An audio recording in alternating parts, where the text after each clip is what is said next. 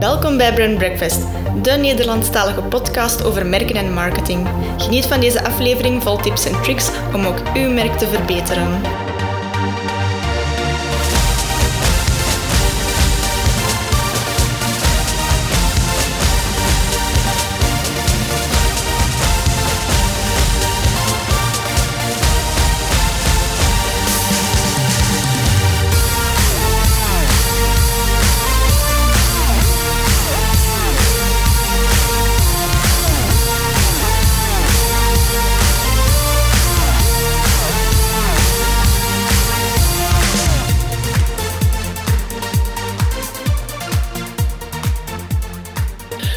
Welkom bij een nieuwe aflevering van de Brand Breakfast podcast. Goedemorgen allemaal.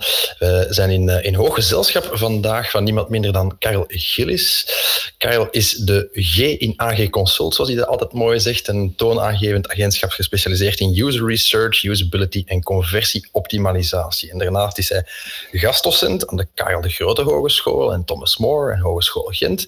En veel van onze luisteraars zullen Karel ongetwijfeld uh, al kennen van zijn uh, vele tirades als keynote speaker op congressen in binnen- en buitenland. Met speeches die ronkende titels hebben, zoals Why You Suck at Online Marketing and Don't Do on Your Website What You Wouldn't Do on a First Date. Waarin hij telkens de meest gemaakte usability fouten op hilarische wijze voorlegt aan het publiek. En het leverde hem trouwens de titel op van de derde meest invloedrijke SEO-expert ter wereld op.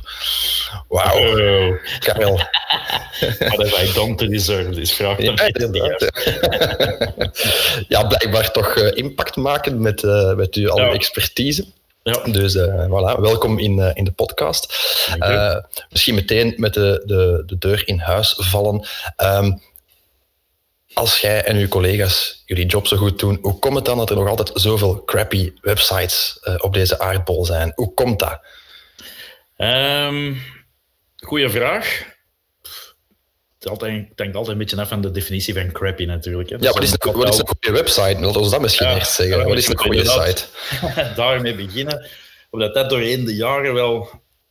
Er is wel wat beterschap, voor alle duidelijkheid. Goed. Um, de allergrote tirades die kunnen we soms laten vallen de laatste tijd. Hè. Ik denk de hele grote designfouten en, en, en, en echte UX-fouten, die zijn er soms uit. Maar daar wordt, daardoor wordt eigenlijk de grootste tekortkoming van heel veel bedrijven en dus ook hun websites duidelijk. Dat is dat ze eigenlijk niet echt weten wat dat hun klanten drijft. Want Aha. wat we de laatste vijf jaar vooral zien, als we onze cijfers naast elkaar leggen, dan zien we dat eigenlijk de grote verschillen in impact, als we iets veranderen op een website, dat dat de laatste vijf jaar eigenlijk vooral met copy en inhoud te maken heeft, soms ook beeld. Terwijl het dat vroeger vooral ging over designachtige eh, stommiteiten, zullen we het dan maar noemen. Mhm. Um, maar dat laatste is wel interessant, ook vooral omdat we zien dat als we die wijzigingen doen aan inhoud, dat dat vaak een impact heeft die vijf keer groter is dan de wijzigingen die we doen qua design. Oké. En de grote wijzigingen zijn dan niet zozeer, we gaan eens een tekstje gewoon wat anders schrijven, maar inderdaad die een tekst schrijven vanuit hoe dan een klant denkt. En dat is inderdaad ik, een gigantisch probleem bij bedrijven. Er is er ook een paar jaar geleden een onderzoek naar gebeurd dat ik zelf fantastisch vind.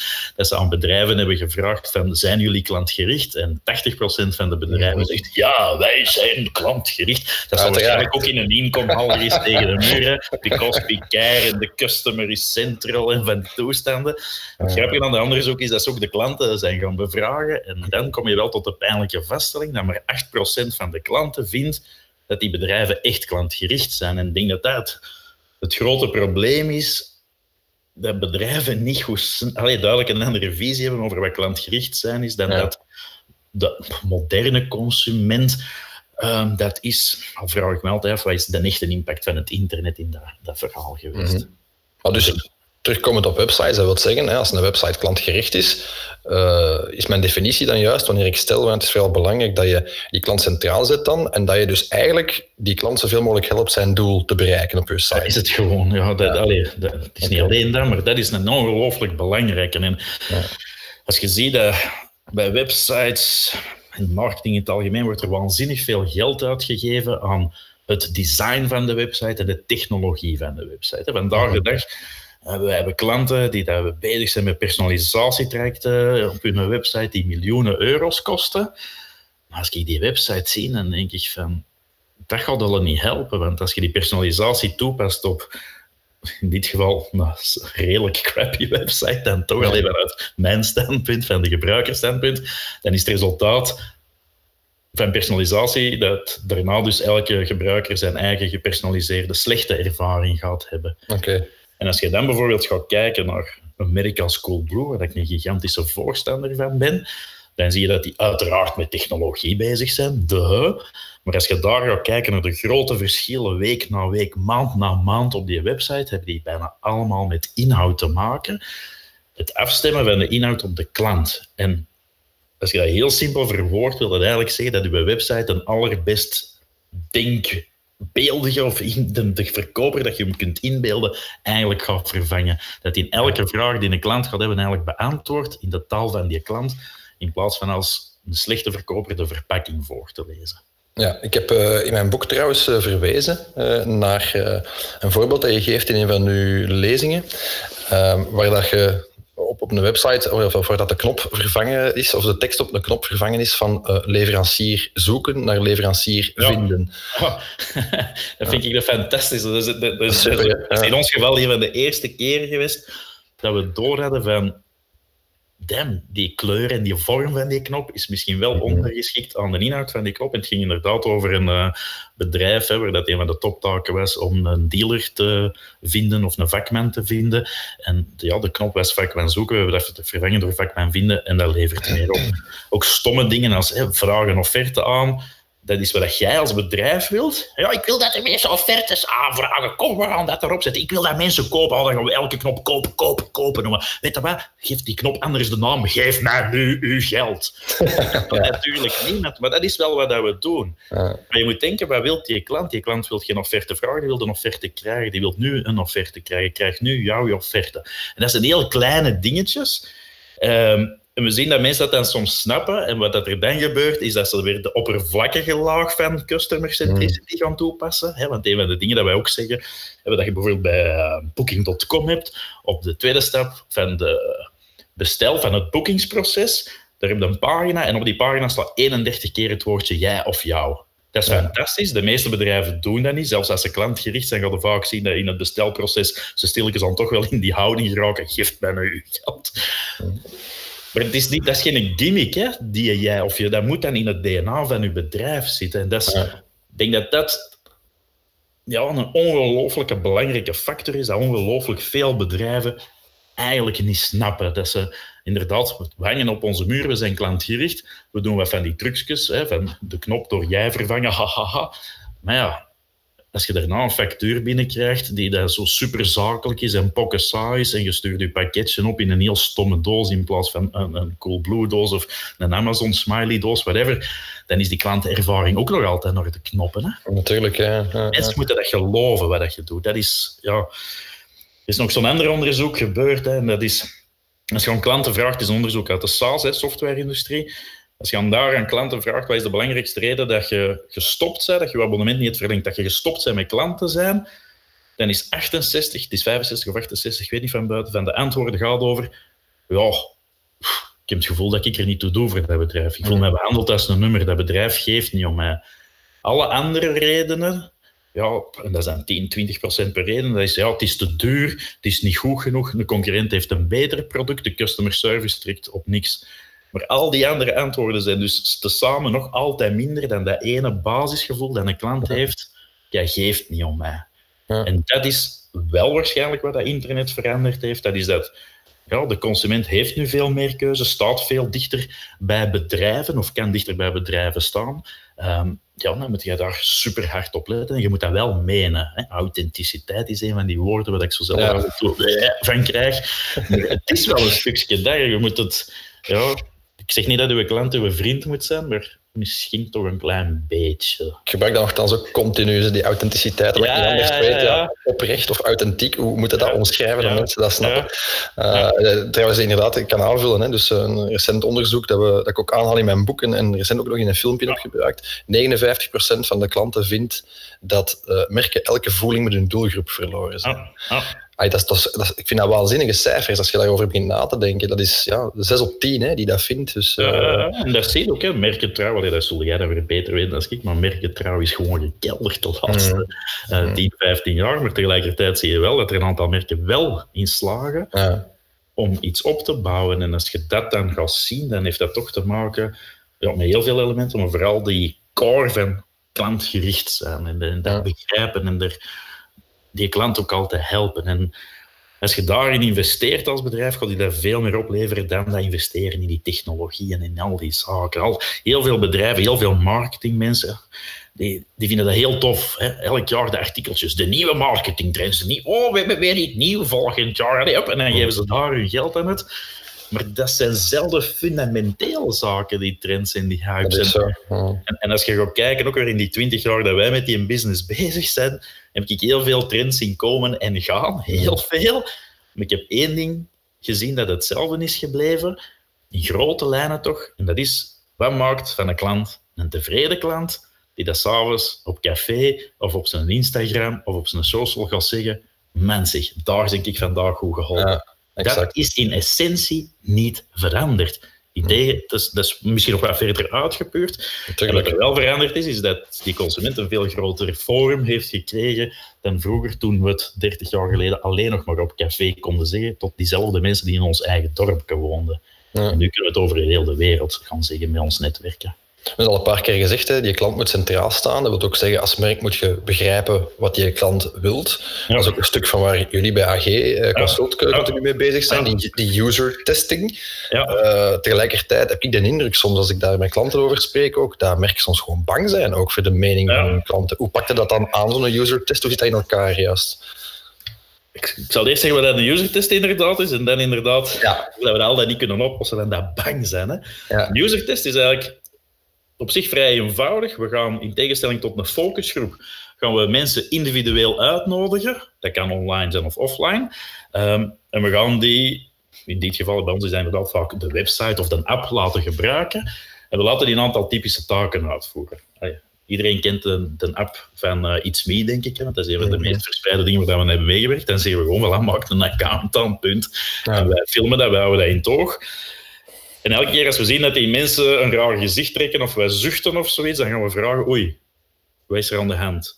Um, is die wat, ziet wat je had verwacht of niet? Uh, alleen, het zijn niet exact die vragen dan staan, maar dat is wat we proberen te komen. En eigenlijk het waarom op het moment dat we zien dat er iets niet klopt. Hmm. Of op een website, oké, okay, welke soort, uh, welke type schoenen hebben de verleden maand online gekocht? Oh, doet dat dan nog eens, hè? En hier is uh, eh, 100 euro en je mocht die schoenen houden. Want, je moet proberen die situatie zo goed mogelijk na te bootsen. Want als je dat niet doet, dan, dan zijn mensen niet echt bezig met schoenen te komen. Als je kijk, op deze webshop, je zoekt een paar schoenen dat je graag hebt en je mocht ze houden, gratis. Mm. Dan zijn mensen bezig zoals dat ze thuis doen. Hè? Mm. En dan ook weer elke keer als je ziet dat ze haperen, zuchten, maar ook als ze tevreden zijn. Hè, laten we duidelijk zijn, we kijken niet alleen voor de slechte dingen, maar ook naar de goede dingen. Vragen waarom is dat?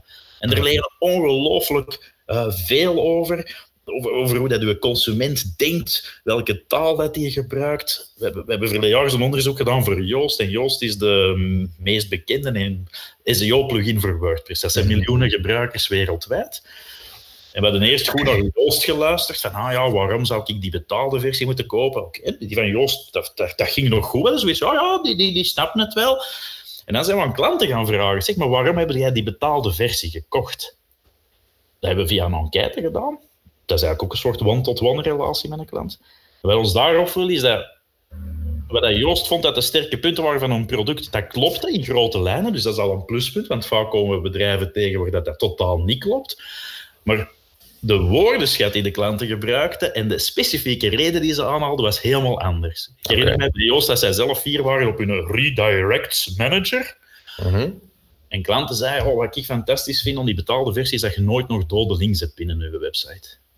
Ah ja, dus het gevolg van die redirect manager is inderdaad dat je nooit geen dode links hebt, maar dat vinden die mensen veel belangrijker dan nou de redirect manager, want dat is iets dat ze niet kennen. Ja. Dat is wat dat zo belangrijk is en wat je nooit, nooit, nooit kunt als bedrijf. Je kunt nooit je eigen klant zijn, want je ziet altijd, vanaf dat je in een business zit, met oogkleppen op. Altijd. Ook wij, ik vind dat ik, ik, ik, denk, ik pretendeer inderdaad zeer goed te zijn in mijn vakgebied. Maar als ik zelf een tekst schrijf voor mijn eigen website, dan denk ik zelf, oh my, dat heb ik weer goed gedaan. En dan kijk ik een week er later naar en dan denk ik, Karel, je hebt terug dat jargon gebruikt. Je hebt terug gezegd, ja, kijk eens hier en kijk eens daar. En dat kun je dus alleen maar door die klant erin te betrekken. Dat is dus ons user testen. Dat zijn onze enquêtes. En dan om dan het tweede deel van uw vraag te beantwoorden. Waarom hebben bedrijven daar schrik van? Ja, dat doet pijn. Op een bepaalde manier, voor bepaalde managers, doet dat precies pijn. En heeft dat blijkbaar te maken met een soort imagoverlies, maar dat zouden niet moeten hebben, vind ik. Want typisch aan de mens is dat de groeit feedback krijgt en daardoor rijker wordt, vind ik zelf. Maar ineens blijkt oei, wat wij als bedrijf al 10 jaar of 20 jaar, en soms zelfs 50 jaar doen, dat was wel oké, want anders zouden we niet meer bestaan. Maar godverdomme, dat kan veel beter. En dat zou de spirit moeten zijn. Godverdomme, dat kan beter. Allee zeg, hoe kan dat dat we dat nooit hebben gezien? Maar veel mensen hebben zoiets van, oei, oei, oei. En ik heb 20 jaar geleden dat woord uitgevonden, dat wij nu nog altijd gebruiken. En blijkbaar is er een beter woord voor. Ja, that's life. Hè? Maar dat is denk ik waarom heel veel bedrijven schrik hebben om echt tot die kern door te dringen. Terwijl, god, je zet toch je bedrijf, maar ja, dat is niet die mens, hè, maar je zet je bedrijf toch ooit gestart omdat je een klant vooruit wilt helpen. En die spirit die verdwijnt blijkbaar soms in bedrijven als er allerlei tussenlagen bij komen. Heeft dat ook iets te maken met soms persoonlijke aspecten? Ik bedoel daarmee van, uh, ik wil nu specifiek naar, naar bepaalde cases verwijzen, maar uh, ik heb toch wel eens het gevoel, soms tussen de lijnen, bij bepaalde van, van, van onze klanten bijvoorbeeld, dat ze zich ook wel heel persoonlijk aangesproken voelen. Als je mm -hmm. durft, zeggen alle, alle, klanten bij Pavlov zeggen, we willen gechallenged worden. uh, maar de ene kan daar natuurlijk wel beter mee overweg dan de andere. Hè? Ja, absoluut, absoluut. Dat is inderdaad ja, een van die ook weer des mensen dingen. Hè. En wij worden, hè, want wij doen heel veel op basis van de onderzoek en feiten, omdat ik niet te veel in discussie wil gaan met klanten. Dat ja- en nee-spelletjes, daar hou ik niet zo van. Maar zelfs daar zie je dat, en dat is, ik vind dat wel het teken van de niet zo goede uh, manager aanpak. Als je dan een advies geeft dat oh, gaat over iets waar dat ze zelf in geloven, dan zeggen ze, zie het wel, ik heb dat altijd al gezegd. maar als je mhm. dan tegelijkertijd ook een advies geeft dat ze tegen hun dingen indruist. Ja, maar dat is toch maar de mening van de klanten. Hè? Dus voor hetgeen dat je in je hoofd hebt zitten van ja, dan zeg je ja, zie je dat de klanten zijn belangrijk. En tegelijkertijd zie je dat mensen wel kunnen ontkennen um, ja, wat hun klanten echt willen. En vandaar, en dan gaan we terug naar die eerste vraag komen, waarom dat die user-testen zo belangrijk zijn.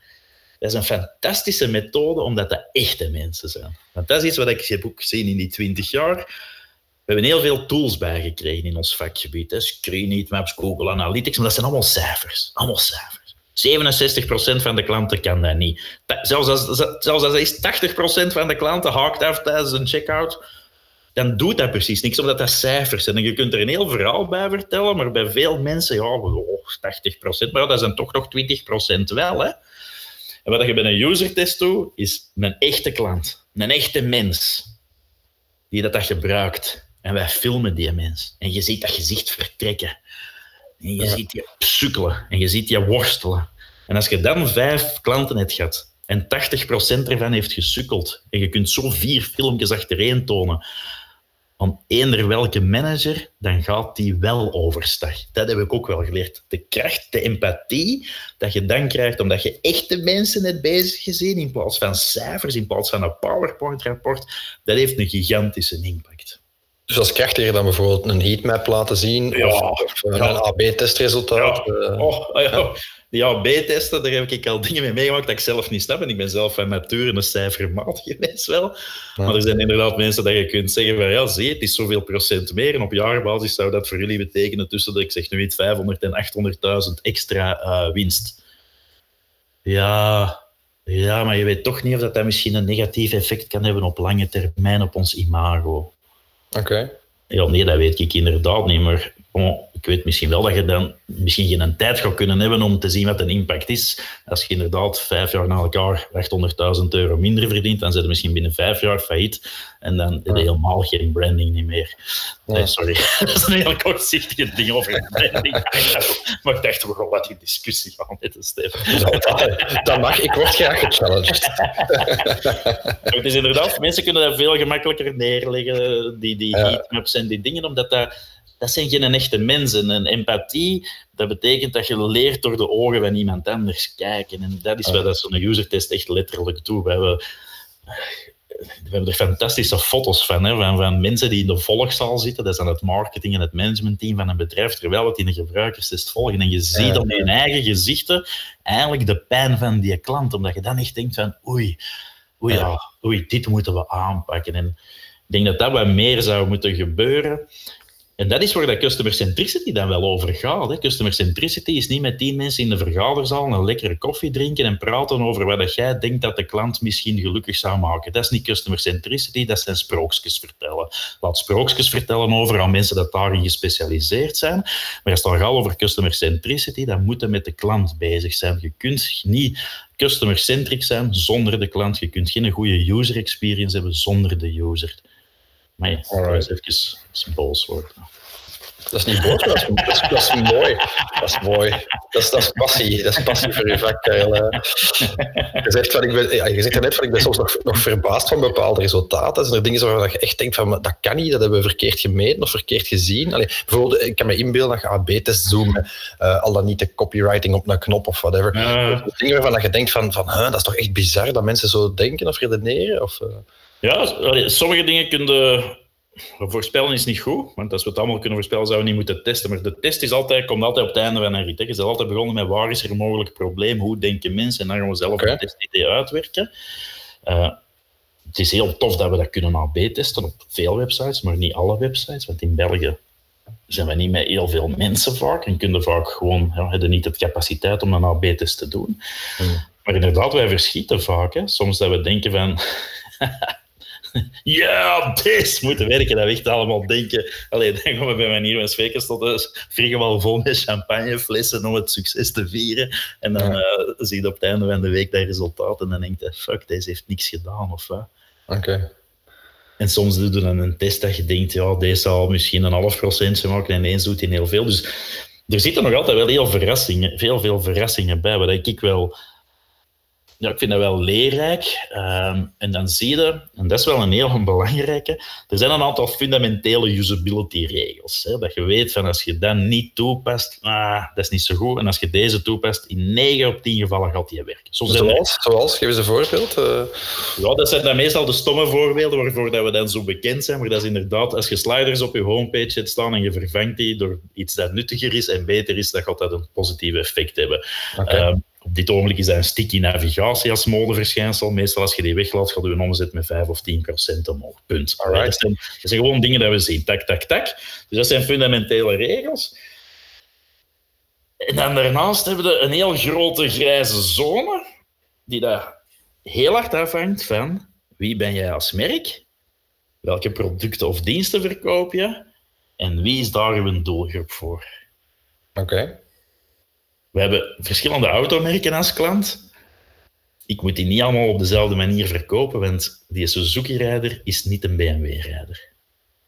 Maar wat je soms wel hoort, ik heb nou al een merk gezegd, maar er zal zelden een merk zeggen, nee, ik kan, kan hier niet op ingaan wat dat Maar soms hoor je merken zeggen, allee, dat, dat, is gewoon om een heel algemeen voorbeeld, like, ah, ik wil zoals Apple, want Apple is goed, ik wil zo de website. Maar je zegt fucking Apple ja, niet. Alleen dat is het gewoon. En daar moet je heel erg over nadenken. Het kan zijn dat die website van BMW op heel veel aspecten aanspreekt, maar als je uh, merk of Z dat helemaal niet dezelfde imago hebt, dan kun je niet op dezelfde manier een auto verkopen, want je klant heeft een andere perceptie van wat een wagen moet zijn. En een BMW is meer echt imago, sorry BMW. En als we dat bij Suzuki zien, dan zie je dat mensen het heel hard hebben over de betrouwbaarheid en die gaat tien jaar mee. En dan komen die aspecten veel meer naar boven bij waarom dat ze een wagen aankopen. En dat betekent visueel, qua copy, qua inhoud, dat je dat op een andere manier moet gaan verkopen. En je... inspelen op die motieven dan. Uh... Ja, de, de, expliciete en de impliciete motieven van mensen. Hè, is, is, is, wat wij altijd onderzoeken, is op, eens dat we voorbij de, de basisdingen zijn van, van de website te cleanen, zal ik het maar zeggen. Hè. Dat is zo, eerst met de grove hakbel erdoor en alle crappy shit die dat er vaak nog wel is. Als dat weg is, gaan we op zoek, en ik denk dat, daar, dat we dicht bij elkaar dan soms liggen, uh, is waarom kopen mensen bij u als merk en waarom niet? Ja. Waarom kopen ze wel bij die concurrent en niet bij u? En soms kan dat puur met je imago zijn, daar kunnen we heel veel uit leren. Soms kan dat zijn dat je ontdekt dat er heel bepaalde hindernissen zijn, onduidelijkheden zijn.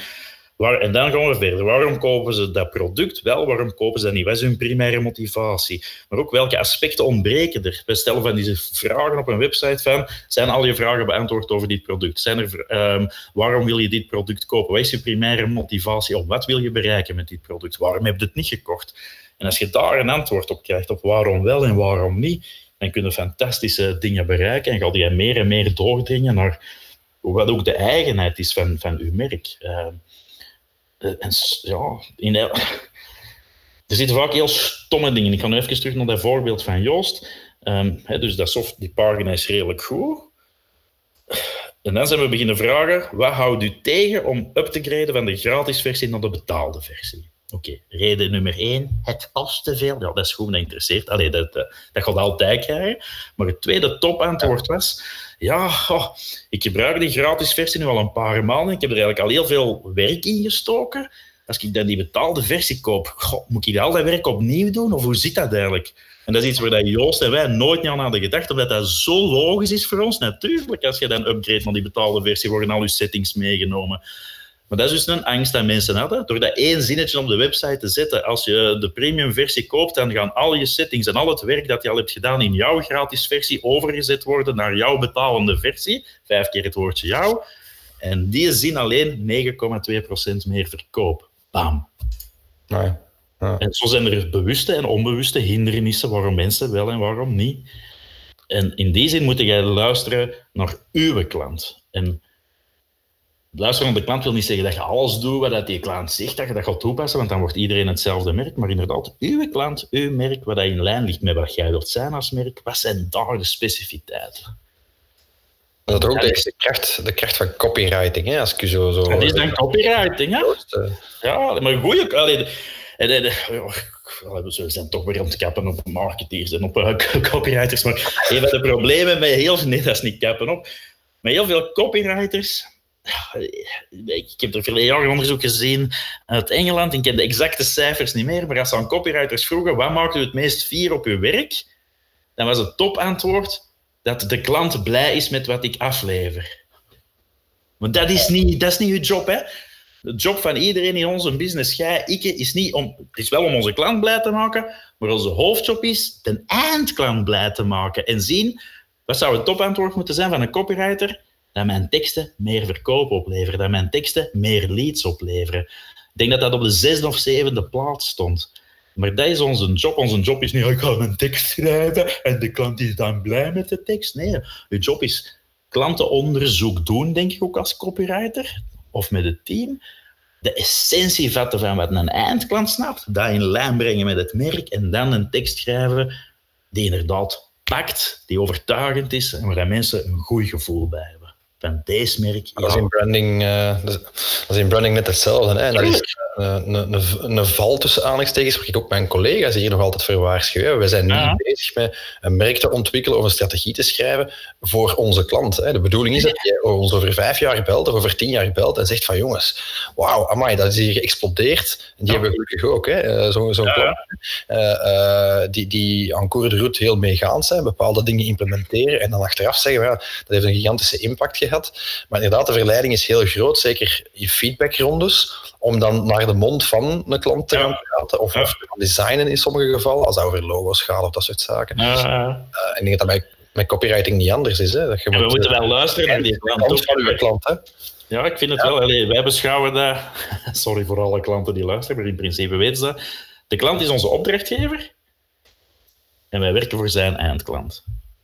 En uiteraard heeft die opdrachtgever mag wel een aantal dingen zeggen, maar ja, als het, wat het, de opdrachtgever zegt, in tegenstelling staat tot wat de klanten zeggen, dan gaan wij zelden ons advies fundamenteel aanpassen. Het is niet omdat de klant, als de klant dat zo graag wil, dan moeten we het zelf schrijven. Dan dat we ons niet moeten inhuren en dat we dat geld kunnen gebruiken voor een fantastisch bedrijfsfeest te geven, in plaats van dat aan een consultant uh, te geven en dat er toch niet nog te luisteren. Um, en ik weet dat sommige bedrijven graag consultants en adviseurs hebben die vooral zeggen wat ze graag horen, maar dat is niet mijn métier, dat is niet mijn dingen. Um, ja, en dat moet ieder bedrijf voor zichzelf uitmaken. Hè. Ik vind dat wel belangrijk, zowel als opdrachtgever als dan als ja, agency, wat voor soort agency dat je ook bent, om daar wel ja, vier te zijn op uw métier. Maar dat heeft algemeen met communicatie en marketing te maken. Hè. Iedereen moeit zich daarmee. Hè. Dat zijn de mensen in elk bedrijf. Iedereen is ineens communicatiespecialist. En ik herinner mij dat we ooit eens hebben gewerkt voor uh, UZ Leuven, Gasthuisberg. En ook daar... Ja. Iedereen, alle professoren, moeiden zich mee met het internet en de website bijna. En toen heb ik toch wel eens tijdens een interview met een die artsen gezegd, weet je wat, Jij mocht u komen moeien met de website als ik volgende morgen mee in de operatiezaal mag staan en zeggen hoe dat jij je scalpeltje moet vasthouden. Toen was het trap gedaan. En ik denk dat we daar wat meer moeten durven, als, als we fier zijn op onze métier. Wat dat je ook doet, dat je dat wel moet duidelijk maken ook. U huurt mij als specialist, laat mij dan de specialist wezen. Karel, eh, ik wil u een paar clichés voorleggen als dat mag. Ah, dat vind ik altijd tof. dat dacht ik al, ja, daarmee. maar dat is op clichés en een cliché voor een reden soms. Ja, we, ja, we zullen beginnen met, de, met de, de, de, zal ik het zeggen, het grootste cliché, denk ik, in, uh, in web usability, als het over viewport gaat, van alle interessante of essentiële content moet boven de fold zitten, ja of nee? De eeuwige discussie. Ja. Uh, die fold is wel kei belangrijk. Hè? Dus hetgeen dat je ziet zonder dat je moet scrollen, heeft een gigantisch effect.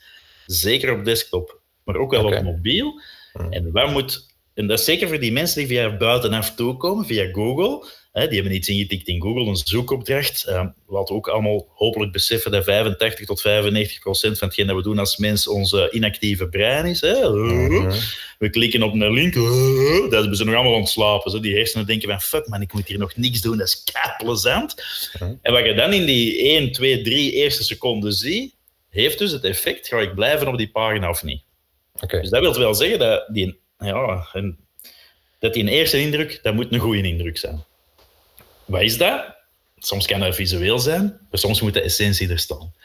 Als je bijvoorbeeld naar Apple gaat, om dan toch maar één merk te noemen, daar ziet er inderdaad visueel uit. Maar wat staat er altijd boven de vouwlijn in uw viewport? Dit is de MacBook Pro, de slogan en de foto. Altijd. Altijd die drie elementen. Zodanig dat ik weet, fuck, ik zit, ja, ik zit bij Apple. Ja, dat is hier de MacBook Pro en niet de pagina van de, weet ik veel wel, van Dell. I don't know.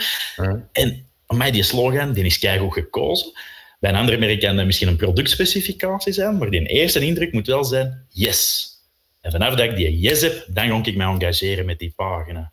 Dus het wil niet zeggen, alles moet boven de vouwlijn staan, maar weer de essentie, de kern, wat mensen willen zien, jouw klant moet boven de vouwlijn staan. Oké. En dat is wat we heel vaak zien als we dan zo'n scroll-map of zoiets bekijken. Dan zie je dat inderdaad, door gewoon te wijzigen wat er in die viewport staat door iets anders, dat je soms wel totaal ander engagement krijgt op een pagina. Oké. Jerry McGovern, dat is een van mijn helden. Uh, vroeger een held, nu nog altijd, maar nu is het ook een goede vriend geworden. En toen ik 18 jaar geleden naar een van zijn lezingen ging luisteren, dan zei hij zoiets. Op internet is de klant niet alleen koning, op internet is de klant dictator. Hmm. En ik dacht, amai, dat klinkt wel bangelijk, maar ik snapte dat niet goed. nu, 18 jaar later, weet ik wat er letterlijk mee wordt bedoeld. En dictator is dicteren, bepalen dat. Het is eigenlijk uw klant die bepaalt wat dat er in die eerste seconde op uw website moet staan. Het is uw klant die bepaalt wat er op uw homepage moet staan. Het is uw klant die bepaalt wat er boven de vouwlijn moet staan, wat er onder de vouwlijn staat. En hij bepaalt dat omdat de anders toch terug weg is. Ja. En we moeten veel minder verkopen als organisatie zoals dat we zelf willen verkopen. We moeten veel meer verkopen zoals onze klant ook weer dan binnen ons merk, binnen het product, binnen de doelgroep wilt kopen. Oké. Nog zo'n mooie, boven de vouw. Ik heb daar een slider of een carousel staan. Naar het schijnt, ik heb mij eens laten vertellen dat dat slecht is voor conversie. Kan dat, Karel? Ja, dat is uh, een van de dingen. Ze zijn al aan het verdwijnen, maar pas op, over tijd was ik nog bij een zeer grote Belgische warenhuisketen en op hun homepage stond er nog altijd één. Ik moest een lezing geven voor de directie en marketing. Prachtig. Ik heb het daar maar boven gehad en ze gingen het nu uiteindelijk wegdoen. Maar het is inderdaad een van die dingen heb eens over tijd heb ik het toch gezocht. In 2003 hebben we er voor de eerste keer over geschreven, over dat dat niet goed is. En ondertussen zijn we zoveel jaar later en nog op heel veel websites. En dat is weer hetzelfde. Ah, ja. dat, dat, valt thuis in het basisprincipe. Zo'n slider, dat is weer, ik wil van alles tonen, jij als bedrijf. Ja, ja, ja. Maar die slider, dat duurt dan 4, 5 seconden per slide. Dus je verwacht van je klant, als je vijf slides zet, dat die 20 seconden naar je slideshow gaat kijken. Dat is even boeiend als voor mensen van mijn generatie, de dia-show vroeger bij de papa en de mama, of bij de bomma als ze van reis terugkwamen. Hè. Ja, en hier zie je de bomma op het strand, en hier is de bomma dan 6 centimeter opgeschoven naar het andere strand fuck you. Dat is wat een klant redelijk hard denkt. En dat is weer hetzelfde. We willen om aandacht schreeuwen. Een banner, een slider en zo verder. Nee, nee, nee, nee. Eens dat iemand op uw website is, moet de aandacht geven aan wat uw klant wilt zien. Ja, oké. Wat is het probleem met ghost buttons, Karel? Oh, dat je ze niet zien staan. Ik zie wel over die ghost buttons. En, uh, ja. Ik ben echt gaan checken, hebben wij ghost buttons? Nee, toch? nee, maar dat is ook van die dingen zo... Voor de luisteraar misschien even, een ghost button is een knop die geen volle kleur heeft, maar gewoon zo een kadertje is. Een ja, een kadertje, een randje. Ehm, en, en die ghost button, dat kan als een secundaire knop. Als uw primaire actieknop is uh, voeg toe aan winkelwaarts of vragen offerte en uw secundaire knop is plaats op verlanglijsten, dan kan dat. Ja. Want die secundaire, die moeten minder opvallen, maar uw hoofdknop moet een knop zijn.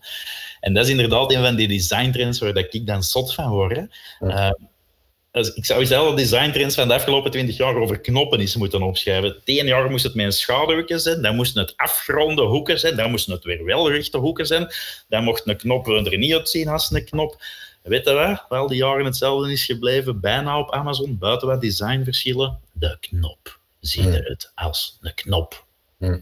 Dus dat is, dat is de key eigenlijk, moet eruit zien ja, een knop. een knop is een knop. Hè. Dat dat, en zoals ik zei, dat de inhoud van die knop is misschien nog belangrijker dan het uiterlijk. Maar als je ja, een grijze website hebt en je hebt dan inderdaad woordjes in het donkergrijs met een grijs lijntje op, dat is niet echt een actieknop. Hè.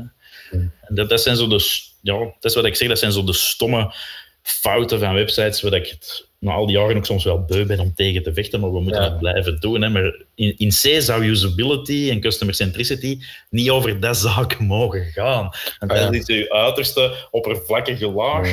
Ehm, terwijl er zoveel meer te doen is aan het overkrijgen van je boodschap. Inderdaad, als je je boodschap dan heel goed hebt en je hebt dan een debiele knop, ja, dan heb je ook nog niet succes gehad. Maar het probleem is dat je nu meestal een debiele knop hebt en een debiele boodschap. Oei, maar dat, dat, mogen we niet echt gebruiken misschien. Maar allee, dat dat niet optimaal is, is misschien beter gezegd. Maar dat, is, dat, is een, dat is een kwestie van esthetiek. Iemand vindt dat mooi en dan wordt niet gemeten ja. of dat oplevert dan. Of, ja, dat is inderdaad... Dat is, Zoals in elke vakgebied, want veel mensen denken dan dat ik altijd slecht gezien ben op designers. Absoluut niet, hè, want echte goede designers, oh my god, briljant. Hè.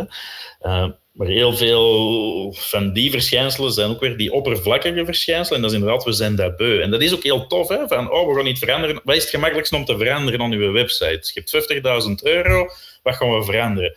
Gaan we onze kern van onze boodschap veranderen in ons onderzoek? Of gaan we, oh nee, we gaan dit jaar weer eens een nieuw sausje doen. Dit jaar zijn pastelkleuren, volgend jaar is dat. Dat is veel gemakkelijker.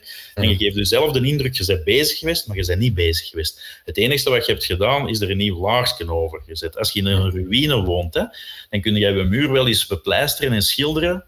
Maar na een jaar is je huis nog altijd een ruïne. Want de verf is rond afbladderen en scheuren zijn nog altijd even groot. En ik zeg niet dat elke website een ruïne is qua boodschap. Maar er moet wel aan de fundamenten gewerkt worden en niet aan de oppervlakkige laag. Nogmaals, de testen die we doen met inhoud, content. En de content is niet gewoon het zinnetje hahaha veranderen, maar de boodschap veranderen, de houding van uw klant veranderen eigenlijk. Heeft veel groter impact dan design. Oké. Als je nu bij wijze van afronding misschien uh, de ultieme tip moest geven aan ik zeg maar, een kleine KMO die nu recent door de coronacrisis begonnen is met, weet ik veel wat, visjes of bloemen te verkopen online. Wat is dan de tip dat je kunt meegeven aan mensen die een eigen website hebben, maar geen agency en geen uh, specialisten, consultants om hen te helpen? De eigenheid die dat je hopelijk hebt in je fysieke winkel, maar dat ervoor zorgt dat je je klanten kent, Pak die over online. Zorg niet dat je de tienduizendste bloemen- of schoenenverkoper bent. Okay. Wat zorgt ervoor dat in uw stad, uw dorp, mensen naar uw winkel komen en niet naar die van de straat ernaast? En probeer dat gevoel, die verhouding over te brengen. Mooi. Ik zou het zelf niet beter kunnen zeggen, want dat is in branding eigenlijk net hetzelfde. Dus, uh, ja, ik denk op dat vlak liggen we ondertussen dicht bij elkaar. Ja, ik denk absoluut, dat heel veel disciplines aan het, aan het samenkomen zijn. En dat maakt mij wel heel blij dat we inderdaad allemaal wel beseffen dat wat dat we ook onze specificatie of niche daar binnen is, dat het wel om die klant draait. En dan is het goed dat we geen 50 verschillende verhalen hebben, maar dat het verhaal inderdaad wat aan het samenkomen is. Ik zal u mijn boek eens bezorgen tussendoor, dan uh, zit helemaal mee met de Absoluut, de en ik ben heel benieuwd dat inderdaad een hele hoop zaken dat ik heb gezien, dat je al op, de, op eh, de, de social media hebt gezet. En ik vind dat dat sluit inderdaad zeer, zeer dicht aan. Je staat erin, Karel. Ja, ja, voilà, ja, je staat erin, je wordt, je wordt vermeld. Hè. Uh, mijn Gallery of Fame hangen. zeg tot slot misschien laatste vraag. Ik probeer altijd te stellen aan onze gasten in de podcast. Of vind jij nu zelf echt een kei cool merk? Het zij vanuit uw vakgebied of het zij te koer als consument of als klant? Uh, Voor mij zijn er twee websites waar ik op kik. Dat klinkt wel heel fout. Hè? uh, maar ik vind als merk vind ik Coolblue dat dat van A tot Z in hele keten gewoon klopt. En dat klopt ook bij mij als persoon, die een soort humor is, mijn humor. Als ik een vrachtwagen van Coolblue zie rijden, er stond iets op, uh, camion Sarol, ik vind dat grappig. Als ik een advertentie zie van Facebook of op Facebook van Coolblue over stofzuigers en er staat bij, omdat stofzuigt, ik vind dat grappig. Ja. En dat zal, sommige mensen zullen dat niet grappig vinden, maar dat is niet erg, want niet iedereen moet een tof merk vinden. Maar bij mij klopt dat merk. En wat fantastisch is, dat dat merk van A tot Z klopt. Okay. Als het dan heel specifiek binnen mijn vakgebied gaat, ook al zitten ze voor veel mensen over de grens qua allerlei psychologische trucjes en technieken dat ze gebruiken tot het aller, alleruiterste, is voor mij Booking.com echt een website waar ik bijna letterlijk elke dag naar ga kijken om te zien, oh, wat hebben ze veranderd? Welk zinnetje hebben ze veranderd? Omdat Booking.com in normale tijden het massapubliek heeft dat zij duizend AB-testen per dag kunnen draaien. Elk woord, nee, elke komma is daar getest. En ik vind het dan heel boeiend om te zien dat, oh, godverdomme, deze hebben ze nog getuned. Maar dat is het ja. vakidiootgebied. Als het gaat over merk, is het voor mij Coolblue. Ik denk als die kunnen doortrekken internationaal, wat dat ze hier doen, wauw. Ja, dat is, ik, vind dat, ik, ik vind dat... En dat is een voorbeeld van een niet het goedkoopste online merk dat erin slaagt om zeer goed gepercipieerd te worden bij haar klanten. Hè. Ja. Oké, okay, Karel, wauw. Uh, een hele hoop dingen om over, uh, om over na te denken. Uh, van de andere kant denk ik, ja, we only scratched the surface natuurlijk. mensen kunnen bij u terecht voor de opleidingen en de... Ja. ook een boek, geloof ik, hè? of zelfs meerdere al, niet? Nee, we hebben één boek geschreven over copywriting. we hebben juist, veel opleidingen en ik heb al jaren manuscriptjes liggen op mijn harde schijven over usability okay. en customer centricity. Maar ik vind dat niet het allerleukste altijd om te doen, het boek schrijven. Ja.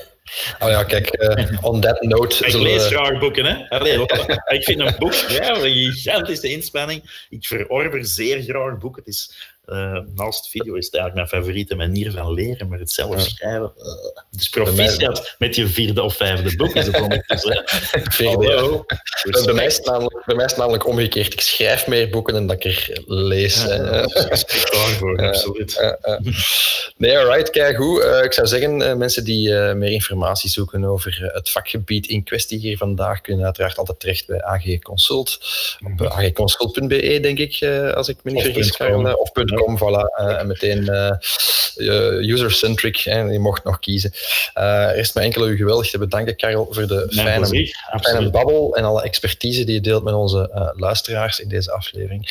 Voor de luisteraar trouwens, merci voor het luisteren ook. Um, mocht je dat nog niet gedaan hebben, vergeet niet om u te abonneren. Dan ben je altijd op de hoogte van nieuwe afleveringen.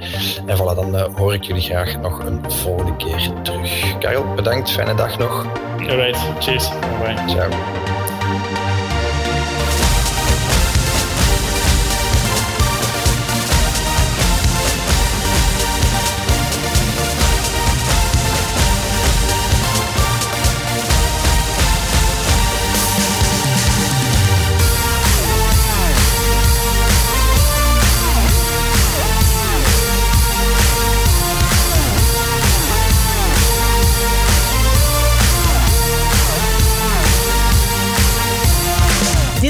Breakfast voor deze aflevering. Dank voor het luisteren. Vragen over uw eigen merk? Surf naar pavlov.be en start vandaag nog met het optimaliseren van uw merkstrategie, merkidentiteit of merkbeleving.